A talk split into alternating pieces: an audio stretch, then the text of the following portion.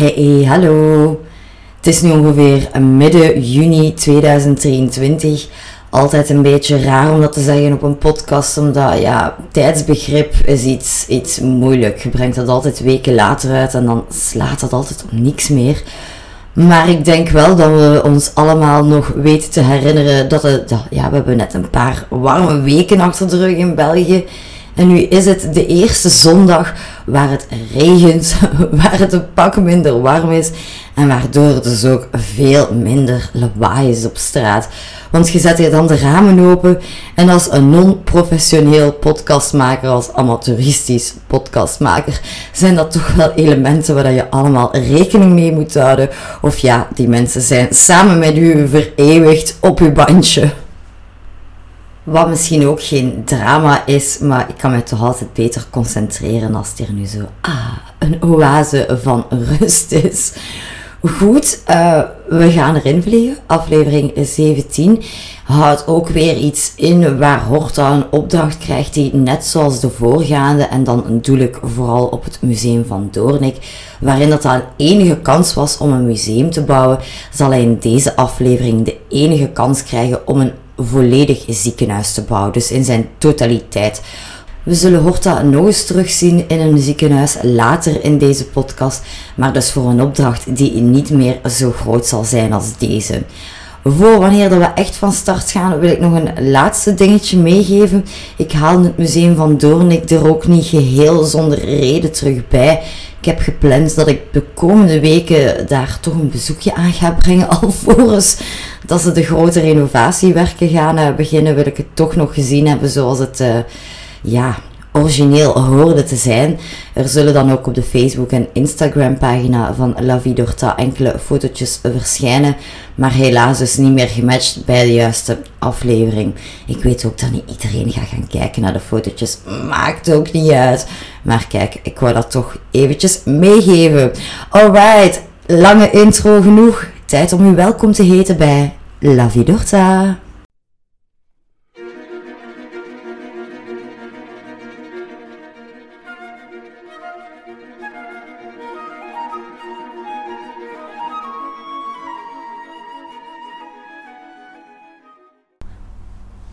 Dit ziekenhuis zal worden opgetrokken in Jette, een deelgemeente van Brussel. En ik heb wel iets met Jette, want ik heb daar zelf nog uh, gewoond ooit een periode in mijn leven. En dus ben ik wel vertrouwd met het uitzicht van dit ziekenhuis. Lang voor wanneer dat ik mij nog maar de vraag stelde van oh, wie zou de architect van dit ziekenhuis geweest zijn. Nu, dat het daar in Jette staat, het zal uh, niet meer verbazen. Het is ook allemaal niet zonder slag of stoot gegaan. En we gaan dus eens kijken hoe dat verhaal erachter of achter dit ziekenhuis eruit ziet. Laten we eens beginnen met de naam. Het ziekenhuis heet het Brugman ziekenhuis. En dat geeft al een beetje weg van ja, wie hier de opdrachtgever voor was. Want dat was de heer Georges Brugman.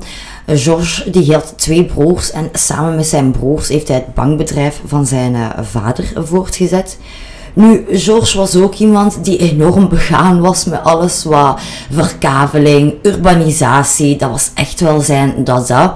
Dus hij maakt op een gegeven moment, doet hij grove investeringen om de gemeente Vorst, Elsene en Ukkel beter te verbinden met het stadscentrum van Brussel. Daarvoor legt hij onder andere grote lanen aan. Gekende lanen zijn vandaag de Avenue Brugman, waar trouwens ook een restaurant op ligt dat Brugman heet. Een klein beetje verder hebben we de Plas Brugman, dus dat is een niet letterlijk een marktplein. Het is eerder een groot rond punt, maar wel mooi. Want daar zijn zo boompjes en restaurantjes en ja, mooi, mooi kledingwinkels ook, maar goed, dan de geheel terzijde. Ik wil maar benadrukken, Brugman is ook in Brussel een vertrouwelijke naam. Zelfs als je niet weet wie dat George Brugman is, word je met de naam Brugman zeker geconfronteerd. En dat heeft dus te maken met onder andere die lanen die hij heeft aangelegd. Um, de avenue Brugman was vroeger de weg op Brussel-Saint-Job. Saint-Job is eigenlijk een stukje in Ukkel, kan je bijvoorbeeld ook met de trein stoppen. ik geef dat maar mee. Maar een ander voorbeeld is de Winston Churchill-laan. Voor mensen die Brussel goed kennen, die weten dat daar de tram oploopt. En die tramlijn heeft ook een halte die Longchamp noemt. Wel, dan weet je bij deze oorspronkelijk, wanneer Georges Brugman opdracht geeft tot het aanleggen van die laan, dan noemt deze laan de Longchamp-laan. Eh, Avenue Longchamp, excuseer. Enfin, je ziet het hier al komen. Misschien is dat nu ook wel mijn eigen mening dat ik hier meegeef. Maar George Brugman is toch iemand die in zaken investeert die het voor de mensen beter maakt. Zelf al zou dat niet zijn insteek zijn, het heeft voor iedereen resultaat gehad. En hier dus ook met zijn volgende plan, want niet dat hij het letterlijk zelf zal uitvoeren, wanneer het november van het jaar 1900 is, komt George Brugman te overlijden. En hij laat een legaat na. Wat is een legaat? Een legaat is een bepaalde som, dus centjes, geld, of een goed, dus dat kan ook een woning zijn, een pand, een fabriek, something like that maar waarvan degene die het legaat heeft opgesteld, dat hij wil dat je daar iets mee doet. Er zit een idee achter, er is een bepaalde verwachting. En die verwachting moet gecreëerd worden. De erfgenaam kan daar niet van onderuit. Het moet gebeuren en meestal ook binnen een bepaalde tijd. Het is niet dat je daar zelf heel je leven tijd voor hebt of dat je het kunt doorgeven aan iemand anders. Nee, dat legaat is opgesteld onder bepaalde, bepaalde criteria. Nu, fair is fair. George vraagt ook niet, uh, want zijn erfgenaam is een van zijn broers, Alfred trouwens. Hij vraagt niet letterlijk, Alfred, hier met mijn centen bouwt daar een ziekenhuis mee. Nee, zijn idee zijn eigenlijk twee afzonderlijke herstellingsoorden. Eén specifiek voor vrouwen en een andere voor TBC. TBC misschien toch even kort toelichten. Tuberculose, wat is dat precies? De meest gekende vorm is longtuberculose, wordt veroorzaakt door bacteriën en een beetje afhankelijk van in welk stadium dat je zit. Als je enorm veel moet hoesten, dan wordt dat zeer besmettelijk. Nu, ik zei het al, het is een bacteriële infectie. Je moet weten, Alexander Fleming die zal antibiotica uitvinden in het jaar 1928. Um, ja, ik heb u net gezegd, George Brugman is overleden in het jaar 1900. We zitten nog in die beginjaren nu op onze tijdslijn while we speak van ja, 1900. Um, ehm, die eerste decennia, hè, laat ons zeggen. Dus ja, het is nog eventjes wachten op antibiotica. En dus die eerste jaren van, ja, van de 20e eeuw, zeg maar, um, was TBC toch wel iets waar mensen um, vaak ziek van werden en waar men ook schrik voor had, omdat men zich daar niet tegen kon wapenen. Dus op dat moment stierven heel veel mensen daaraan. Nu, zo'n ziekenhuis bouw je natuurlijk niet alleen. Er zijn altijd meerdere partijen bij betrokken en iedere partij brengt zijn eigen noodzakelijke kennis aan die nodig is voor het bouwen van ja, een medisch gebouw, als ik, het zo, als ik mij zo mag uitdrukken. Wie zijn deze vier groepen hier? Allereerst de Raad der Godshuizen, of de Conseil des Hospices et Secours de la Ville Bruxelles. Het is een hele mondvol. Ik ga mij ook vanaf nu gewoon bij de raad houden. De stad Brussel zelf, het Medisch College, maar ook de VUB, ofwel de Brusselse Universiteit. Want daar zijn medici, ofwel dokters, die er doseerden, dus les gaven. Nu ben ik hier direct over twee elementen heen gesprongen die ik wel nog beter wil verklaren. Want oeh, George Brugman had toch gevraagd voor twee herstellingsoorden en u zit weer al gelijk weer bij dat ziekenhuis. Hoe is het dan nu gegaan? Wel, zijn broer Alfred Brugman, hij is degene die de raad ervan kon overtuigen van laat ons één instelling maken van twee afzonderlijke. Dus zo groeit het idee van dat ziekenhuis, punt 1. Punt 2 wil ik toch die raad der godshuizen en dan meer specifiek het woord godshuis uh, wat meer toelichten. Want wat is dat precies? Wel, daarin wordt in Gods wil zorg verleend aan mensen die ja, minder vermogend zijn, die ouder zijn of die wezen zijn, dus die geen ouders hebben. Ik wil mijzelf daar eventjes corrigeren, die geen ouders meer hebben, want iedereen heeft ouders we toch even correct in zijn. Nu, in die raad der godshuizen, daar zijn meerdere mensen bij betrokken.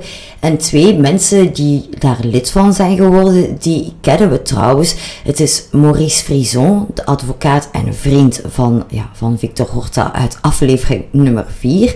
En Max Hallet, volksvertegenwoordiger en senator.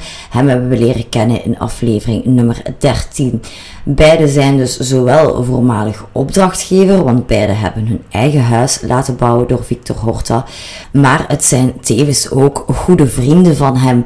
En het is onder hun invloed dat Victor naar voren wordt geschoven als architect voor het ontwerpen van dit nieuwe ziekenhuis. Horta pakt zoiets natuurlijk niet licht op. Hij weet, een ziekenhuis dat, is aan, ja, moet voldoen aan bepaalde vereisten. Enerzijds wil hij zich goed informeren. Daarvoor gaat hij verschillende reizen gaan maken binnen Europa. Denk zomaar aan landen zoals Spanje, Groot-Brittannië, Duitsland, Oostenrijk. En hij wil daar vooral antwoord krijgen op de vraag: gaan we binnen of buiten de stad bouwen? En gaan we in de hoogte bouwen of in de breedte bouwen? Nu hoort dat een perfectionist. Hè? Dat, is niet, dat zijn niet de enige vragen die hij zich stelt. Hij heeft ook aandacht voor hoe steekt de ventilatie hier in elkaar? Hoe krijgen wij hier toevoer van gezonde lucht? Maar wat zijn ook de beste manieren om te gaan desinfecteren? Welke materialen worden er hier gebruikt? Dat daar niet, of dat ze, één, dat er niet te veel stof op blijft liggen, maar dat ze ook niet te veel stof aantrekken.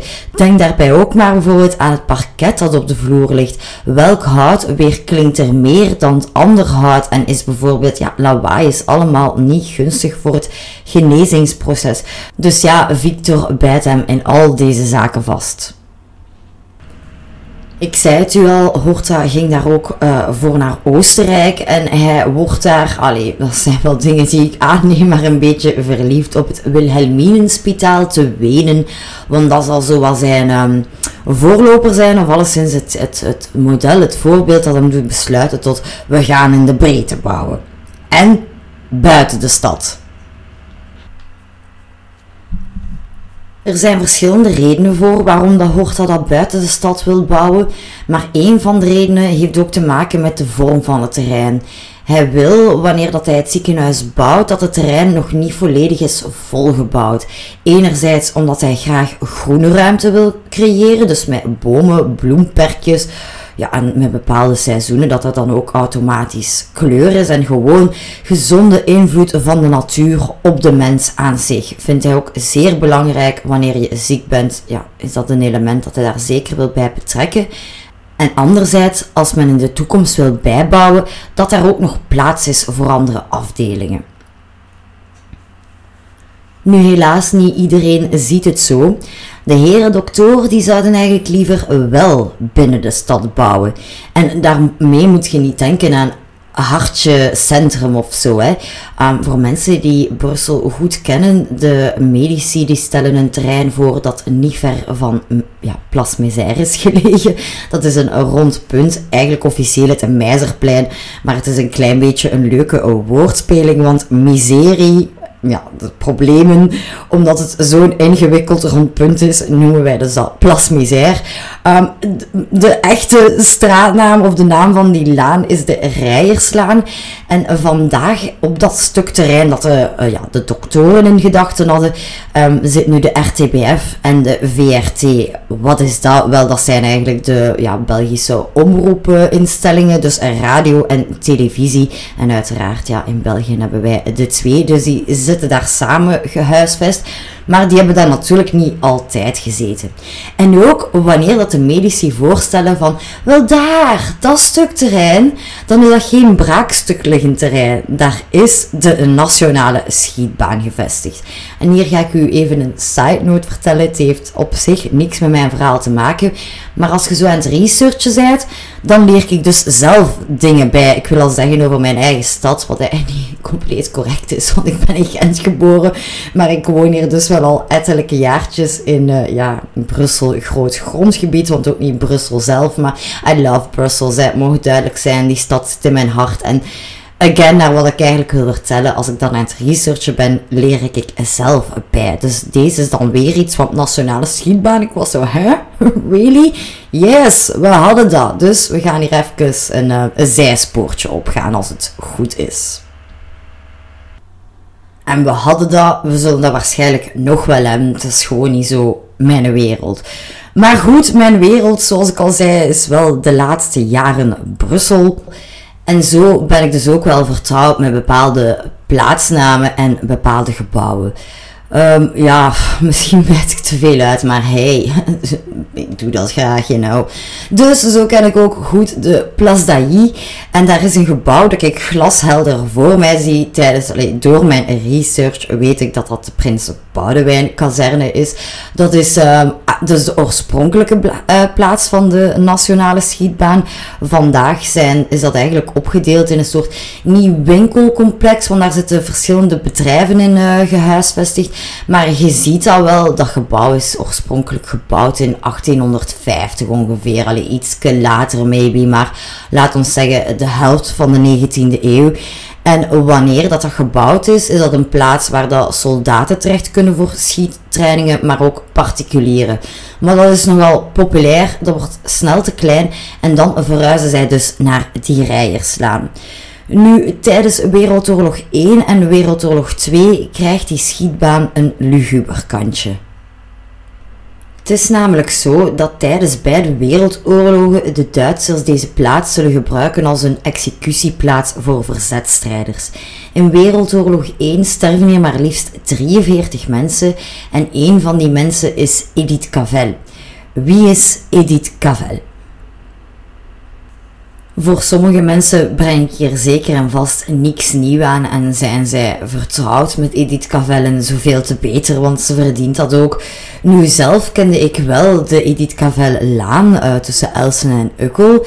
Ik wist dat zij een verpleegster was, maar ik wist niet dat zij een soort undercover netwerk heeft opgesteld waarbij dat zij geallieerde soldaten heeft geholpen om de grens over te steken. Nu, het verhaal gaat dat zij dus wordt opgenomen, dat zij dient geëxecuteerd te worden. En dat, ja, dat moet gebeuren door twee Duitse soldaten. En dat een van die twee Duitse soldaten weigert om dat te doen. Je moet weten dat tijdens de oorlog Edith inzet ook al internationaal uh, geapprecieerd werd.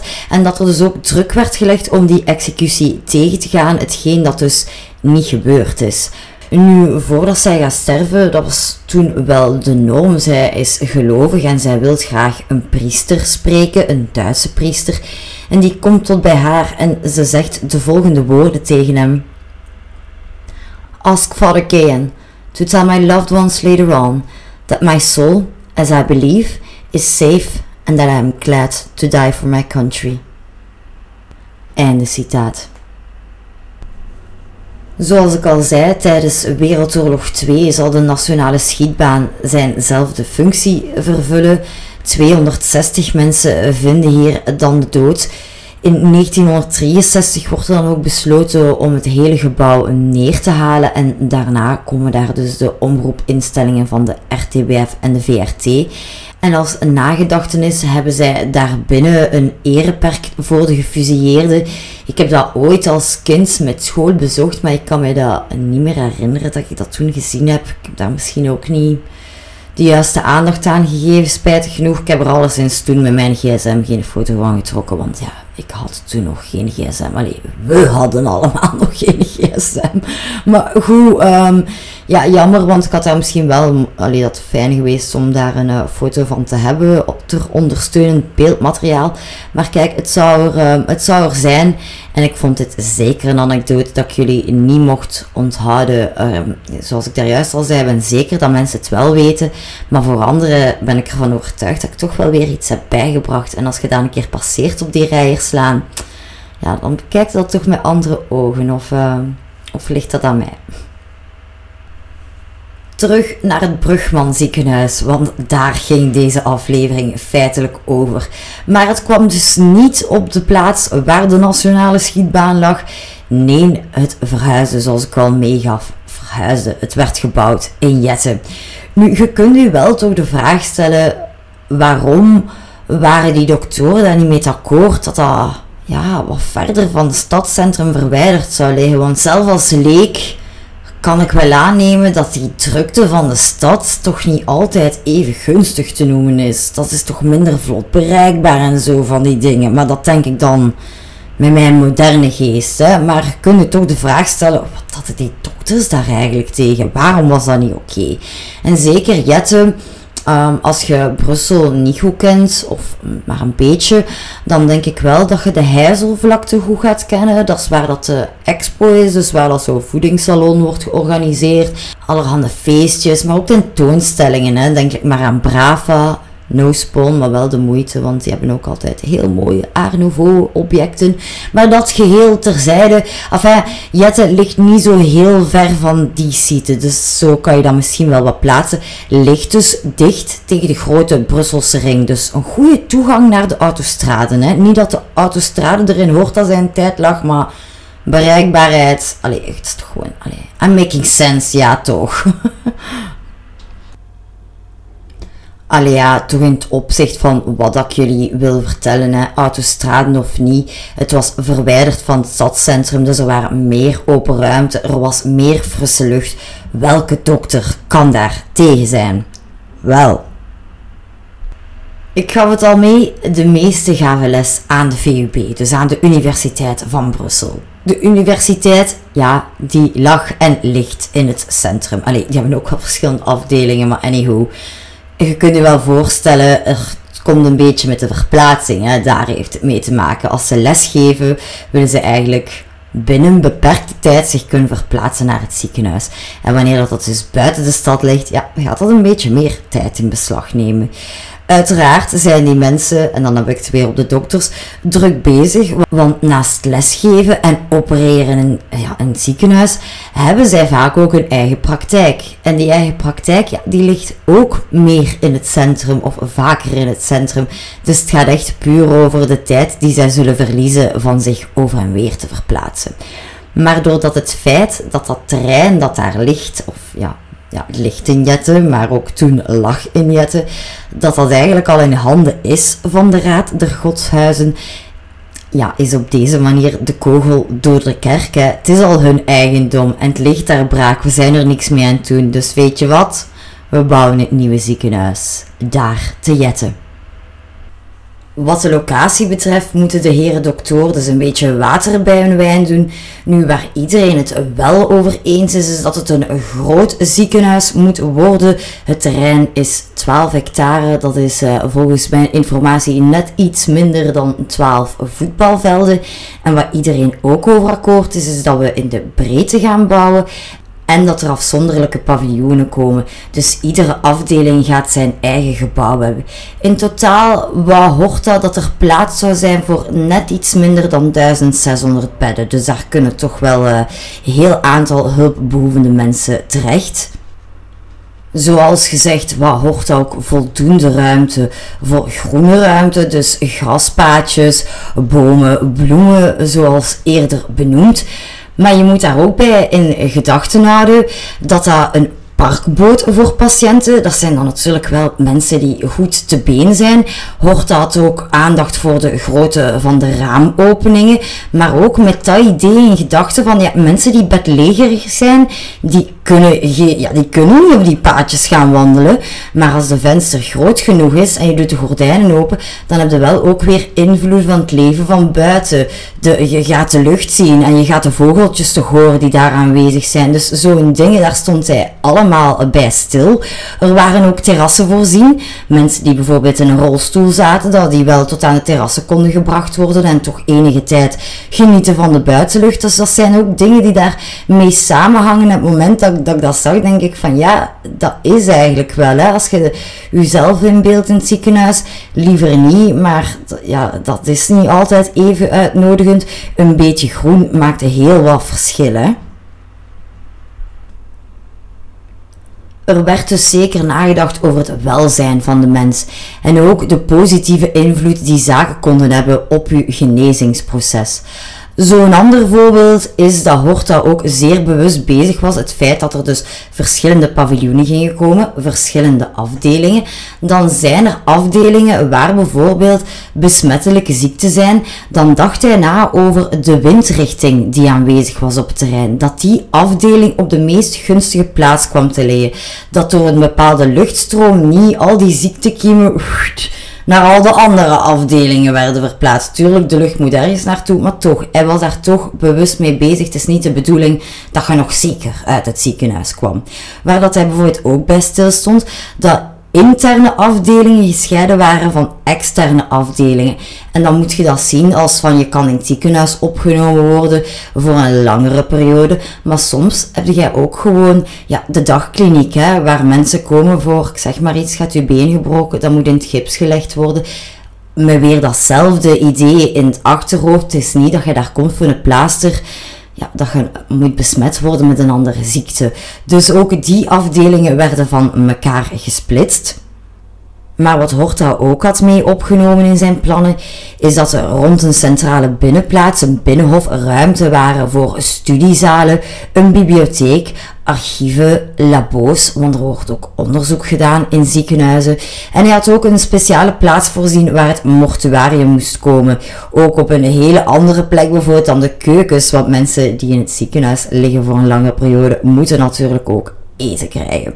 Last but not least, ik wil er nog aan toevoegen, er was zelf een ruimte voorzien waar les kon, kon worden gegeven aan zieke kinderen, zodat zij toch een beetje enigszins konden bijblijven met school. Dus ook daar dacht hij aan. Nu, ik liet het woordje plannen niet voor niks vallen, want zo stond het gepland. Het komt er helaas niet helemaal door zoals meneer Hortuit voorzien had. Ik heb nu al een paar keer gesproken over verschillende afdelingen. Ik zou hier een kleine opsomming willen doen van de afdelingen die hij in gedachten had. Zo wou hij geneeskunde aan kunnen bieden voor volwassen, volwassenen en kinderen. Er moest een afdeling zijn voor huidziekten, aandoeningen van de urinewegen, een KNO, dus een keel-, neus- en oorheelkunde afdeling, um, oogziekten, gynaecologie, een kankerafdeling en de enige reden voor happiness, de kraamafdeling. Maar sommige van de vier betrokken partijen waren toch niet akkoord. Ze vonden de plannen van meneer Horta te ambitieus. De Raad der Godshuizen, die zag het wel zitten, maar de VUB die had achter het gat van Horta om met de gemeente Jette gaan babbelen en ze van zeg, willen jullie dat wel jong, een kliniek van 1600 bedden? Misschien zo tussen de 5 en de 600. Zou dat niet schappelijker zijn? En daarmee waren de eerste twijfels gezaaid. Kleiner worden? Ja, dat kan eigenlijk maar op één manier. De afdelingen die ik u zojuist opgesomd heb, ja, daar werd natuurlijk ingeschrapt. Kraamafdeling, kankerafdeling, dienst voor urologie. nee, we hebben dat niet nodig. Het zijn maar een paar voorbeelden van de afdelingen die zullen verdwijnen. Er wordt uiteindelijk beslist voor een ziekenhuis van 632 bedden moet eerlijk toegeven, ik ben eigenlijk een beetje vergeten toelichten. Ik heb wel gesproken dat George Brugman sterft in 1900. Nu, natuurlijk, wanneer dat, legaat wordt voorgelegd en dat er concrete plannen daarvoor worden gemaakt, zijn we wel al een paar jaartjes verder. Hè. De werkelijke bouw start in 1906 van het Brugman ziekenhuis. En ik had u ook gezegd, zo'n legaat heeft ook een ja, een einddatum. Er wordt toegewerkt naar van voor die datum moet zeker af zijn. En dat was 1912. Nu, het feit dat er dus zo gesnoeid wordt in die afdeling, zo gesnoeid wordt in de grootte van het ziekenhuis, ja, het is, Horta protesteert, maar het speelt er ook niet in zijn voordeel dat 1912 is coming closer, dus hij kan bijna niet anders dan dat te aanvaarden en hem daarbij neer te leggen. Het resultaat was dan ook absoluut niet zoals Hort dat zou gewild hebben. De resterende afdelingen worden zo wat her en der verspreid over het terrein. Ja, er is veel ruimte over om achteraf nog te gaan bijbouwen, maar de logische opbouw van de afdelingen is uh, ja, compleet foutu. De afdeling dermatologie bijvoorbeeld, van, ja, voor huidziekten, die ook zeer besmettelijk is, die komt aan de kant van de openbare weg te liggen. Dus ja, iets wat ik me daarnet ook nog zat te bedenken van het is tof dat hij rekening houdt met de windrichting, maar wind moet toch uiteindelijk altijd ergens naartoe. Yes, maar hoort dat het ook niet zo voorzien dat je daar rustig op het voetpad liep, niks te maken met dat ziekenhuis en dat je al gelijk een huidziekte zou oplopen. Allee, dat is nu wel wat zeer simplistisch uitgedrukt, maar toch, eh, ja, ik zeg het, hij legt er hem bij neer, maar nee, dit is absoluut niet hoe dat hij het zelf eh, op zijn plannen had getekend, hè. De eerste steen wordt uiteindelijk gelegd op 10 augustus 1911.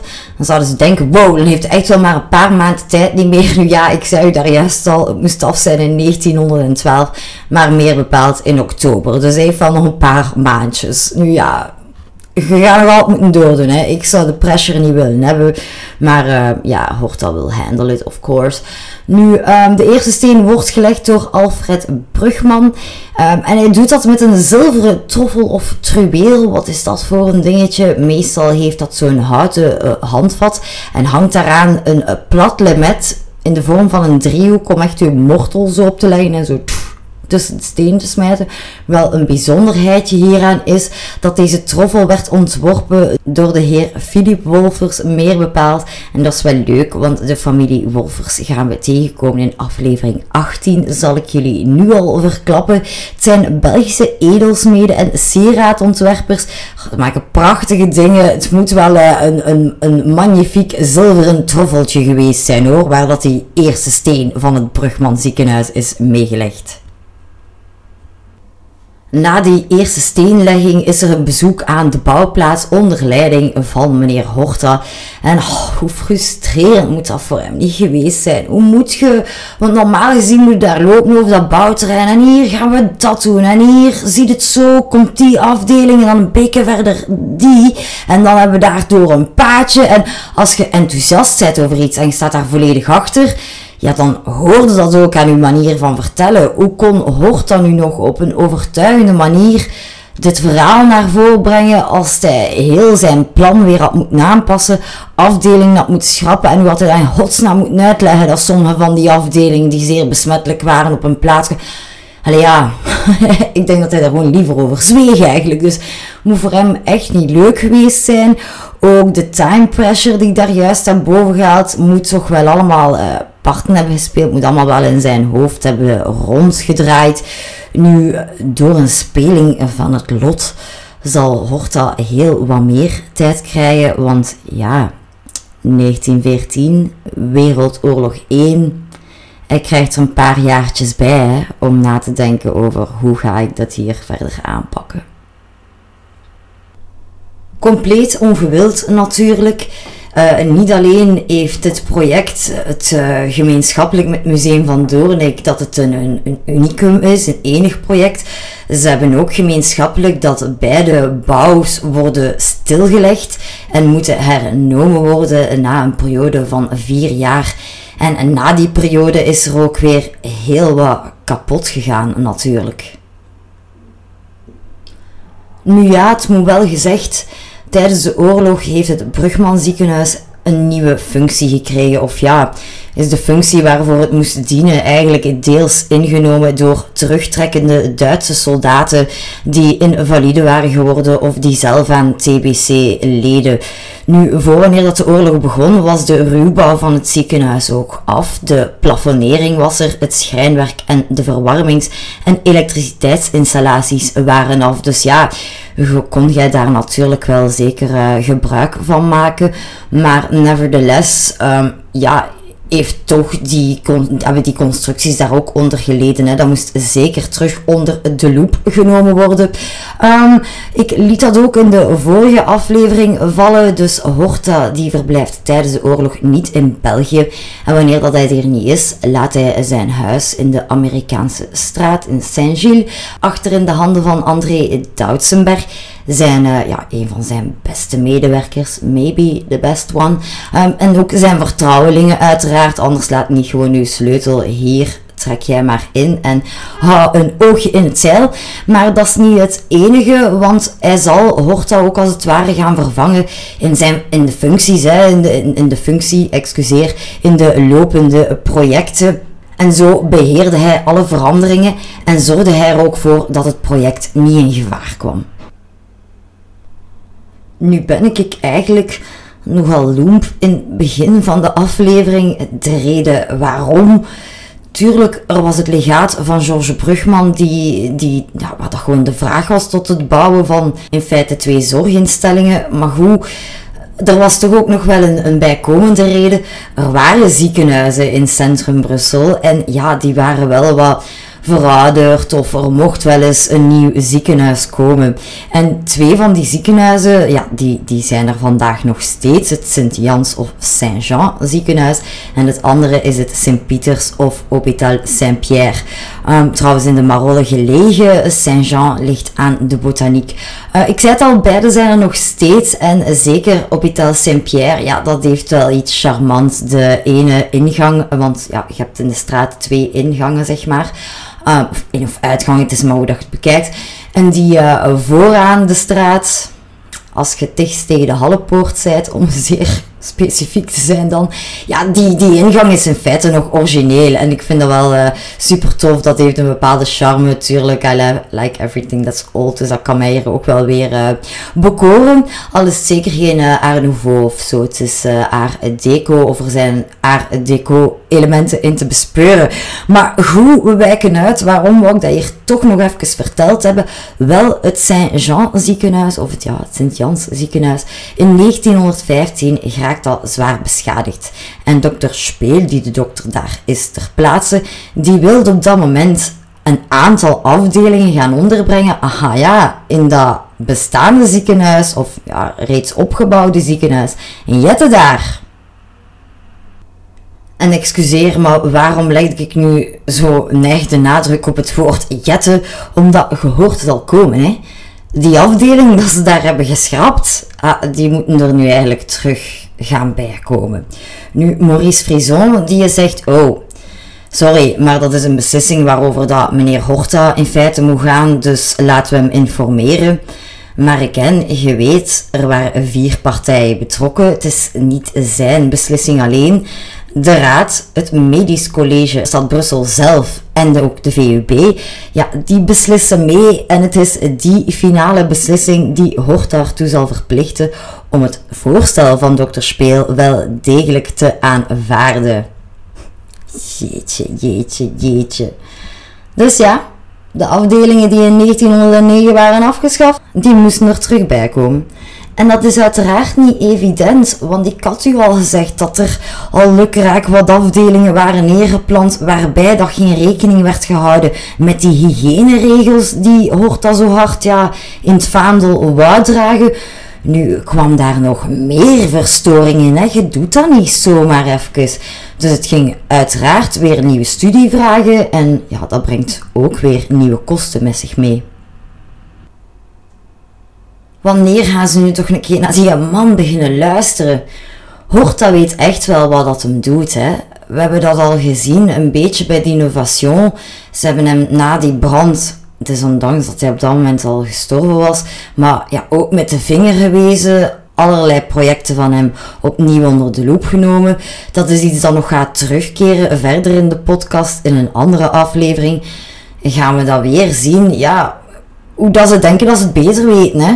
En dat ze zijn werk compleet naar de, ja, doen. We willen het beleefd houden. Maar het is toch spijtig, op zijn minst gezegd. Um, ja, like I said, he makes it work. Hij zal er wel een manier voor vinden. Um, maar het is, het is toch wel triestig. Het was, hij had het eigenlijk eerst zo bedacht. Het zat zo in zijn hoofd. De plannen bewijzen het. Ik kan er al zenuwachtig van worden. Denk, denk van, maar hoe is het dan in godsnaam mogelijk? Hoe moet hij daar zelf hem tegenover staan? Waar dat hij zelf uren werk in had gestoken. Enthousiast was aan begonnen. Het goed had gemeend. Voorstudie had gedaan. En echt zo, jongens, we gaan dat hier te goed doen. Dat ziekenhuis, dat gaat hier nog jaren meegaan. En het gaat jaren mee, hè, want het is er nog steeds. Maar het moet voor hem wel tandenknarsend, moet hij de plan er weer en bijgenomen en gezegd... Alright, let's make this work. En dat doet hij ook. Op 3 maart 1919 zal Horta de bouw terug zelf in handen nemen. En wat doet hij allemaal? Wel, hij gaat de lokalen aan de nieuwe vereisten aanpassen. Hij zorgt ervoor dat het ziekenhuis meubilair krijgt. Hij controleert alle werkzaamheden en leveringen, of dat alle grondstoffen tijdig worden aangeleverd. Uh, hij gaat ook zien welke aangebrachte schade is er, wat is er hier nodig om dat binnen de oplevering, nou ja, die oplevering gaat uiteraard verlegd worden, maar hoeveel gaat dat verlegd worden? Grondstoffen, daar wou ik daar juist naartoe.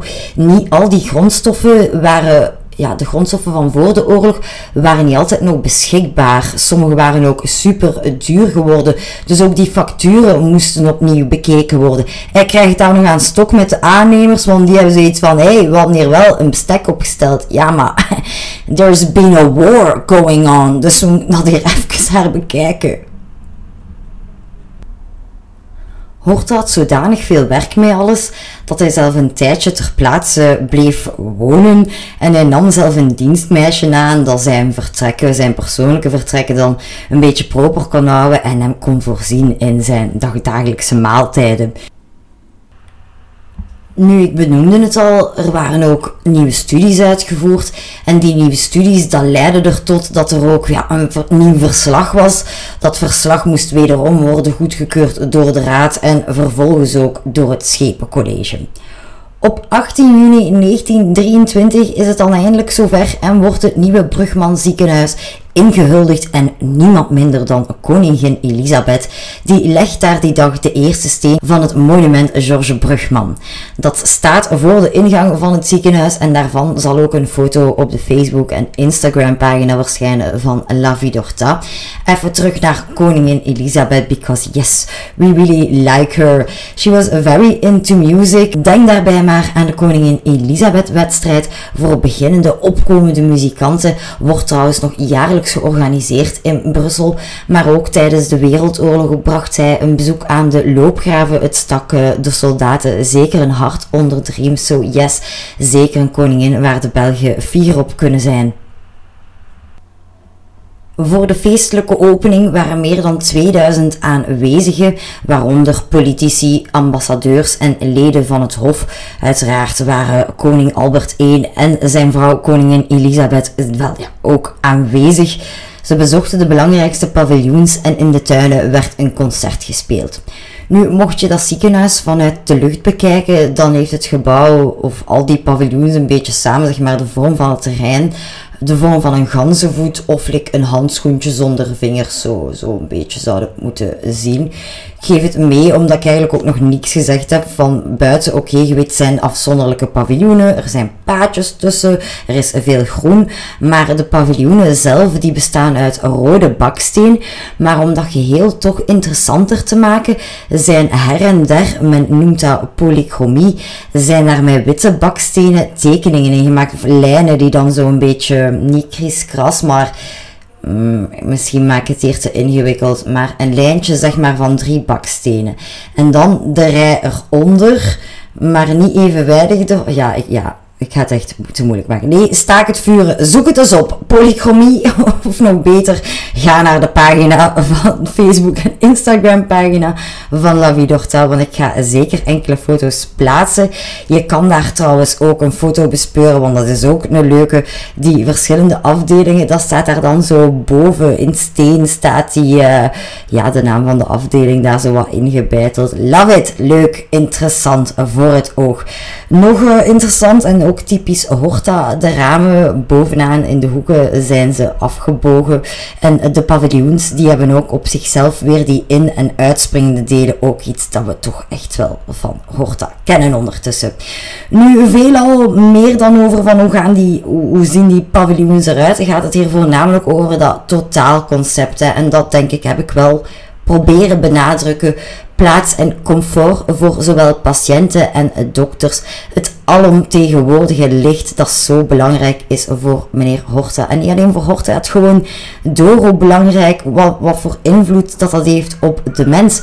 Een constante aanvoer van verse lucht en wederom die natuur, natuur, natuur.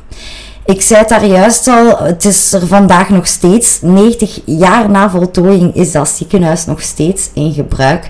Ik denk dat daar meneer Horta wel zeer tevreden over zou zijn. En dan wil ik u graag terug meenemen naar de Nieuwstraat, centrum Brussel dus. Daar is een pand, ook door Horta gebouwd, maar ja, haast onherkenbaar zijn veel zaken aan veranderd.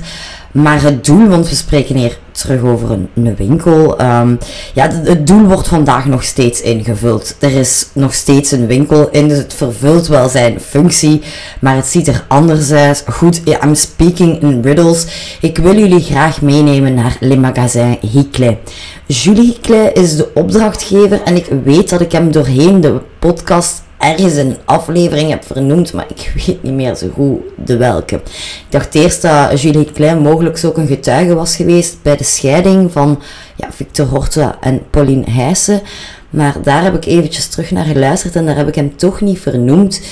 Nu, um, ja, ik ga ze ook niet allemaal opnieuw beluisteren. Het is wel een beetje lullig dat ik misschien niet kan zeggen van ja, daar in die aflevering heb ik het over Jules gehad. Maar um, het punt was dat ik dat wel zeker wat mee opnemen in de panden die we van Horta bespraken. Het had zeker een reden. Maar het voelt ook zo helemaal verkeerd om dat te zeggen, hè? Dat zeker een reden, maar ik weet ze niet meer. Lekker is dat. Ja. Maar goed, ik kan u wel een beetje enige omkadering meegeven. Hij maakte eerder een meubelen voor Julie Klein en dan meer specifiek een bureau. En nu het feit is bij al die opdrachtgevers dat we tot nu toe gezien hebben, dat is eigenlijk ook iets dat ik bijna altijd herhaal. Het zijn ook altijd vrienden van elkaar. Ze zorgen er niet alleen voor dat Victor Horta werk heeft, tussen aanhalingstekens, want moest die mens zijn vak niet kunnen, zou ze hem ook niet laten doen. Hè? Maar toch, daar is toch wel altijd die um, dubbele connectie. Nu, hoe? We gaan eens gaan kijken. Ik zei het al, we staan opnieuw in de Nieuwstraat, eh, nummer 20, om zeer specifiek te zijn. Nu, als je je nog herinnert van aflevering 14, want die weet ik wel heel goed, dan hebben wij uh, à l'innovation besproken en de Grand Bazaar dan Spar. Dan heb ik mijn uiterste best gedaan om uit te leggen als de Gare of het Noordstation achter ons ligt. En we kijken met ons gezicht in de Nieuwstraat of we wandelen die zelf helemaal op het eind. Dan komen we op Place de la Monnaie of het Muntplein. Aan het Muntplein aan de overzijde ligt de Grand Bazaar dan. Maar als we terug die Nieuwstraat zouden ingaan, dan... Allee, maar we blijven wel met ons gezicht naar dezelfde kant kijken. Dus we stappen letterlijk een beetje achteruit. Dan een paar, op een paar honderd meters van de Grand Bazaar dan vinden we Le Magasin Hickley. Zou kunnen zeggen van, nou, an, maakt niet zo uit hoor, maar ik vind dat misschien toch wel tof, zelfs als je Brussel niet kent, om toch te zien. Want vandaag vinden we in centrum Brussel niet meer zo heel veel woningen of projecten van Victor Horta terug. Maar er waren er dus wel ooit en op wandelafstand van elkaar, dat wou ik even benadrukken.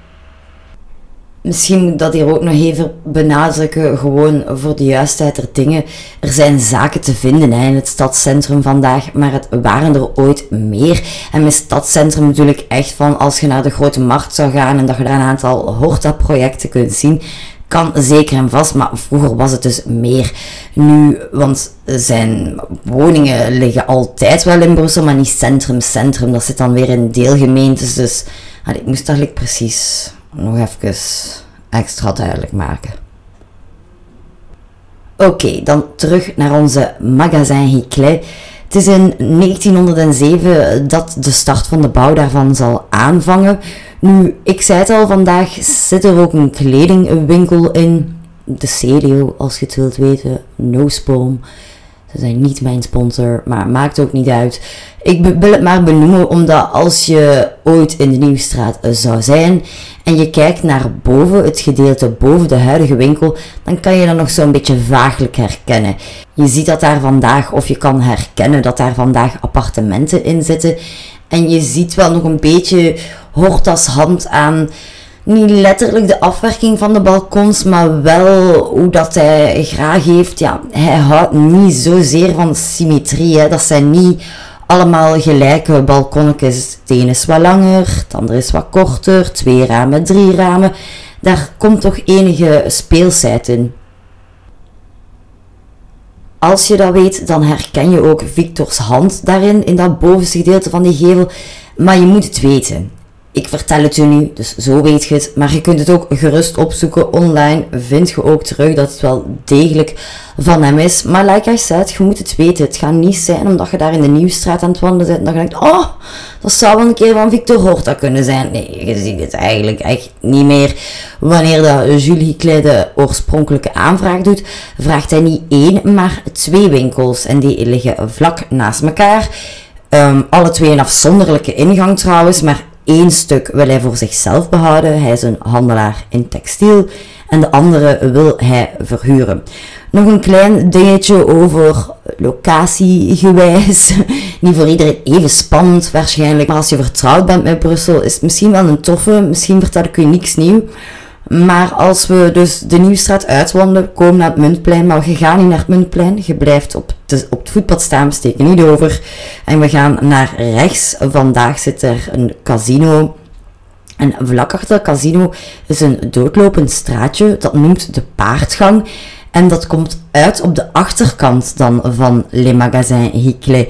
Nu, ik wist niet, en ik woon nu toch wel eventjes in regio Brussel om het simpel te houden. Ik ik ben daar ontelbare keren al gepasseerd. Ik kan het echt niet meer zeggen. En nooit is mij dat klein doodlopend steegje opgevallen. Nu, niet dat dat echt zoiets is van, ga dat gaan bekijken, want het is maar een klein groezelig straatje.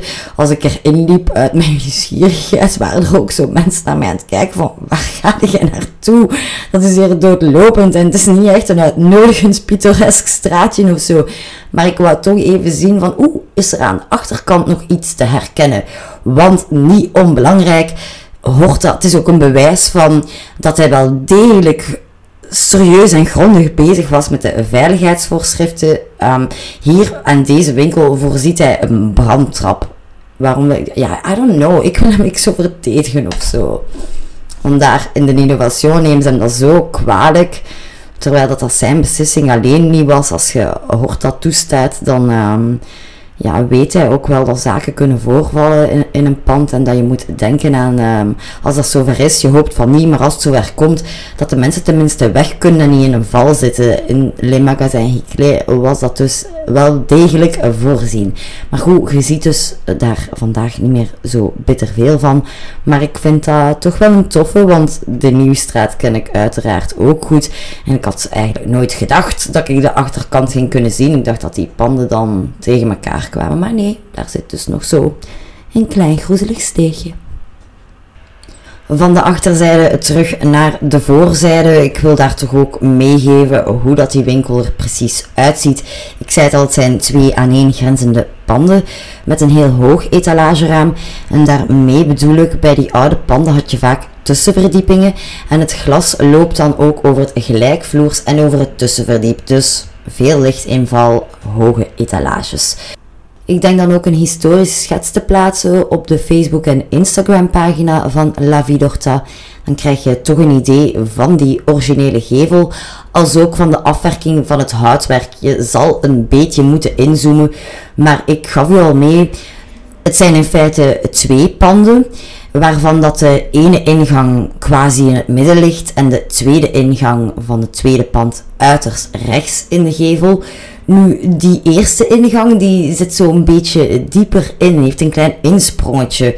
Ik stel mij zo voor dat de zijkanten, want die zijn dan ook ja, uiteindelijk nog steeds deel van de etalage, maar dat dat gemaakt wordt in een gebogen glas, 100% zeker ben ik dat niet. Hè. Dat kan ik niet gaan afleiden van die originele schets, maar ik zie er wel volledig bij passen.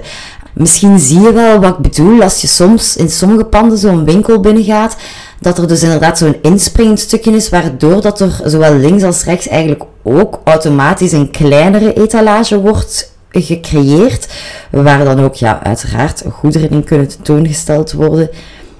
Misschien zie ik het alleen in mijn eigen fantasie en kan ik het zo niet overbrengen, maar I like it. So charming, so back in the day. Niet gewoon een rechte geveldeur en bam, we zijn binnen. Maar again, misschien maak ik dat niet echt duidelijk. Anywho, als we dit etalageraampje slash entree eventjes vergeten en we kijken naar de linkse kant, Dan heeft Jules voor zijn eigen winkel in feite drie etalageramen, waarvan het middelste het grootste is. Aan de linkerzijde, de kant die dus verhuurd wordt, is er één groot etalageraam en dan dus die toegangsdeur zoals eerder benoemd. Dit om vooral duidelijk te maken op deze manier dat het ook twee winkels zijn, hè, dat ook de potentiële klant dat duidelijk opmerkt. Het is een kort project voor Victor. Hij doet er slechts 9 maanden over om het geheel op te leveren. Op 20 eh, juni 1908 was de bouw voltooid. Nog een eh, laatste nieuwigheid, uh, of op dat moment was dat zeker een nieuwigheid. Enkele maanden later, in december van 1908, gaat Horta voor de winkel, dus in het trottoir, ik denk dat we dat vandaag moeten vergelijken met glasdallen. Hij plaatst dus um, glazen bouwtegels in het trottoir, waardoor dat er meer licht kan binnenvallen in de onderliggende kelders van het pand, waar ja, spullen worden opgeslagen en dat je dus uh, ja, een beetje meer kan zien, logischerwijs. Het is alleen jammer dat dat vandaag ook niet behouden is gebleven, want Allee, dat is toch wel tof geweest. Zeker op dat moment kan ik mij wel weer voorstellen dat dat... Um, ook vooral omdat hij het achteraf heeft toegevoegd. Dat hij dacht van, ah, ik kan het misschien zo oplossen. Het is alleszins een heel tof detail, waarvan ik het jammer vind dat het ook verdwenen is. Het is ondertussen uh, toch wel een pittig afleveringetje wat de lengte betreft. Maar als u mij toestaat, ga ik hier toch nog een stukje aan bijbreien. Het gaat dan ook meer over het gezinsleven van Victor Horta. Wie zich goed herinnert, ik zei u net, we zijn nu op onze tijdslijn in 1908. En dat is ook het jaar waarin Julia en Victor zullen trouwen.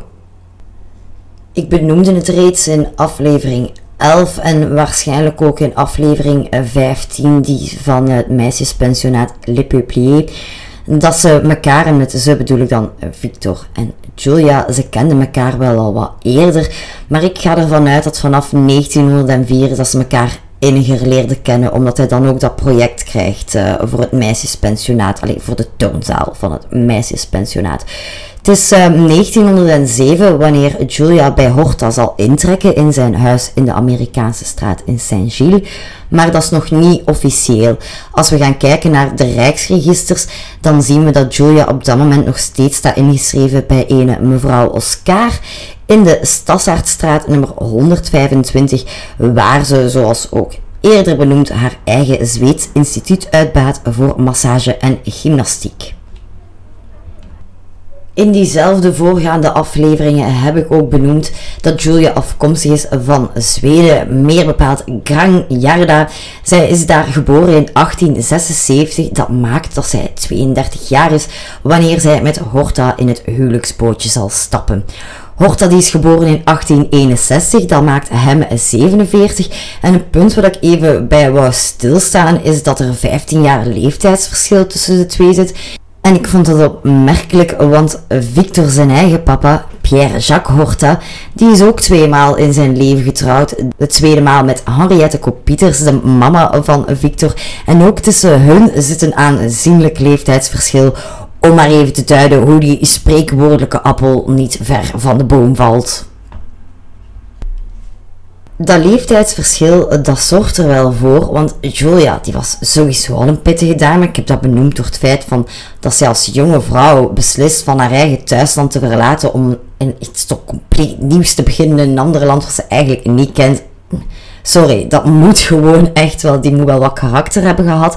Maar het feit dat ze ook zoveel jonger is, zorgt er ook automatisch voor dat ze echt een frisse wind is in Horta zijn leven.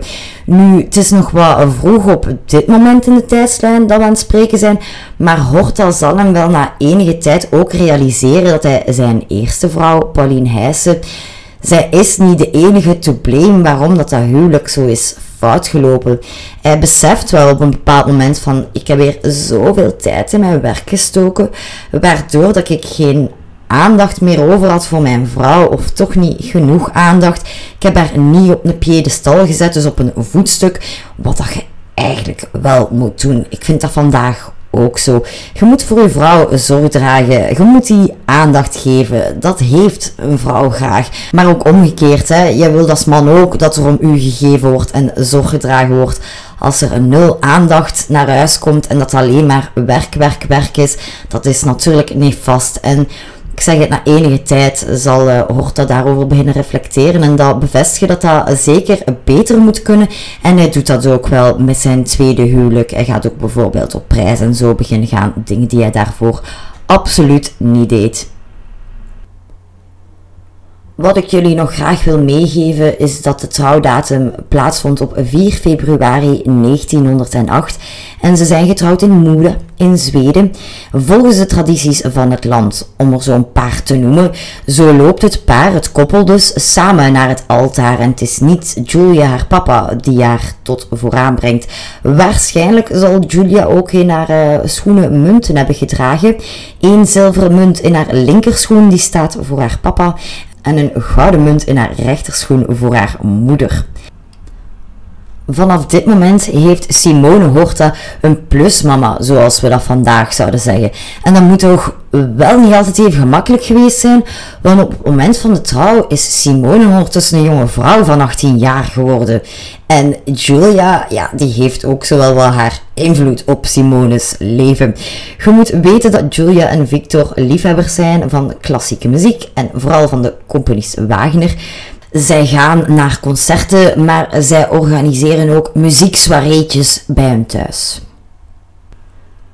Daarvoor worden natuurlijk de nodige muzici uitgenodigd en zo wil het dat op een van die avonden de Zweedse muzikus Gunnar Mellström uitgenodigd is om in het muzieksalon van Horta te komen spelen daar in die Amerikaanse straat te Saint-Gilles. Er zijn heel veel vrienden aanwezig, ook collega-kunstenaars, maar ook Simone trippelt daar rond en het is op die manier dat zij Gunnar zal leren kennen. Deze heer Melström is geboren op 30 mei 1878 te Orenskotsriek. Ik heb die geboorteplaats proberen opzoeken, maar niet teruggevonden. Nu, dat kan zijn dat hij misschien samen is gevloeid met andere regio's en daardoor een andere naam heeft op dit moment, maar kan ik dus niet met 100% zekerheid zeggen. Wat ik wel met 100% zekerheid kan zeggen is dat ook dus Gunnar naar België komt en dat in 1903. En dus enkele jaartjes daarna leert hij Simone kennen. Ook hier wederom een leeftijdsverschil, want waar dat Simone 18 jaar is, is Gunnar 30 moet een felle liefde geweest zijn, want een jaar erop, meer bepaald 5 augustus 1909, zullen de beiden trouwen en op die manier krijgt Simone ook de Zweedse nationaliteit. Nu, Horta is daar in het begin echt niet zo happy peppy mee, want hij vreest dat zijn dochter wel eens naar Zweden zou kunnen gaan om haar daar te vestigen samen met haar man. Wat dat in het begin ook gebeurt, maar de jonggehuwden komen dan na een tijdje toch terug naar Brussel, waar ze zich uh, zullen vestigen in de kapitein de Kerpelstraat, waar Simone een appartement heeft. Het is dicht bij de Place Stefanie, een plaats die ik doorheen andere afleveringen van deze podcast ook benoemd heb. En ik wil dat maar even herhalen, omdat het een plaats is die niet ver gelegen is van de Amerikaanse straat waarin dat dus haar papa woont. Pittig detail, voor de appartement vraagt zij naar papa, wil jij alsjeblieft de meubelen ontwerpen? Ah ja, tuurlijk. Hoort dat doen niet anders, ervaring zat. Wat vraagt ze aan hem? In de stijl van Paul als het kan. Nu, Paul is ook een Art Nouveau architect. Ik heb hem ook al benoemd, vooral met het feit, kijk, er waren veel copycats. Er waren veel mensen die Horta zijn stijl begonnen te imiteren. Die mensen respecteerden Horta heel wat minder. Maar Victor had wel respect voor Paul Ancar. Hij vond wel zeker dat Paul Ancar een eigen insteek had en dus iets vernieuwend toebracht. Wat essentieel is in Art. Maar dat Victor nu zelf de copycat moest gaan uitzangen, ik, nee, ik denk niet dat hij dat echt leuk zal hebben gevonden. Maar ja, het is zijn dochter.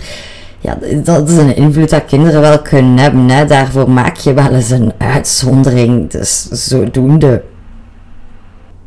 Wat misschien nog niet oninteressant is om te weten, dat in de appartement in de Kerpelstraat in de kapitein de Kerpelstraat, om helemaal correct te zijn, zal Simone haar mama, dus Pauline Heijsen, eventjes tijdelijk bij het jonge koppel gaan inwonen. Pauline die werd na de scheiding ja, door Victor compleet aan haar lot overgelaten. Maar het is misschien wel fijn dat we op dit moment op de tijdslijn Pauline onder de veilige vleugels van Simone kunnen plaatsen. We komen later tijdens deze podcast nog terug bij Simone en Gunnar. Maar voor vandaag, we're gonna wrap it up. Er rest mij niks anders dan nog de bronnen te vermelden. Uiteraard Michel Goslaar met haar boek Victor Horta. Maar ook het archief Iris of Iris Archief wil ik hier zeker bedanken. Ze hebben mij meer informatie verschaft over de nationale schietbaan van het eerste stukje. Als ook um, hebben zij een foto van die originele schets van Les Magasins Hickley. Maar ik ga hem niet van hun pikken hoor. Maar um, hij komt er dus op de Facebook en Instagram pagina van La Vie d'Horta. Allen daarheen zou ik zo zeggen. Ik ga jullie bedanken voor het luisteren en een heel fijne week toewensen. Tot de volgende. Doei doei!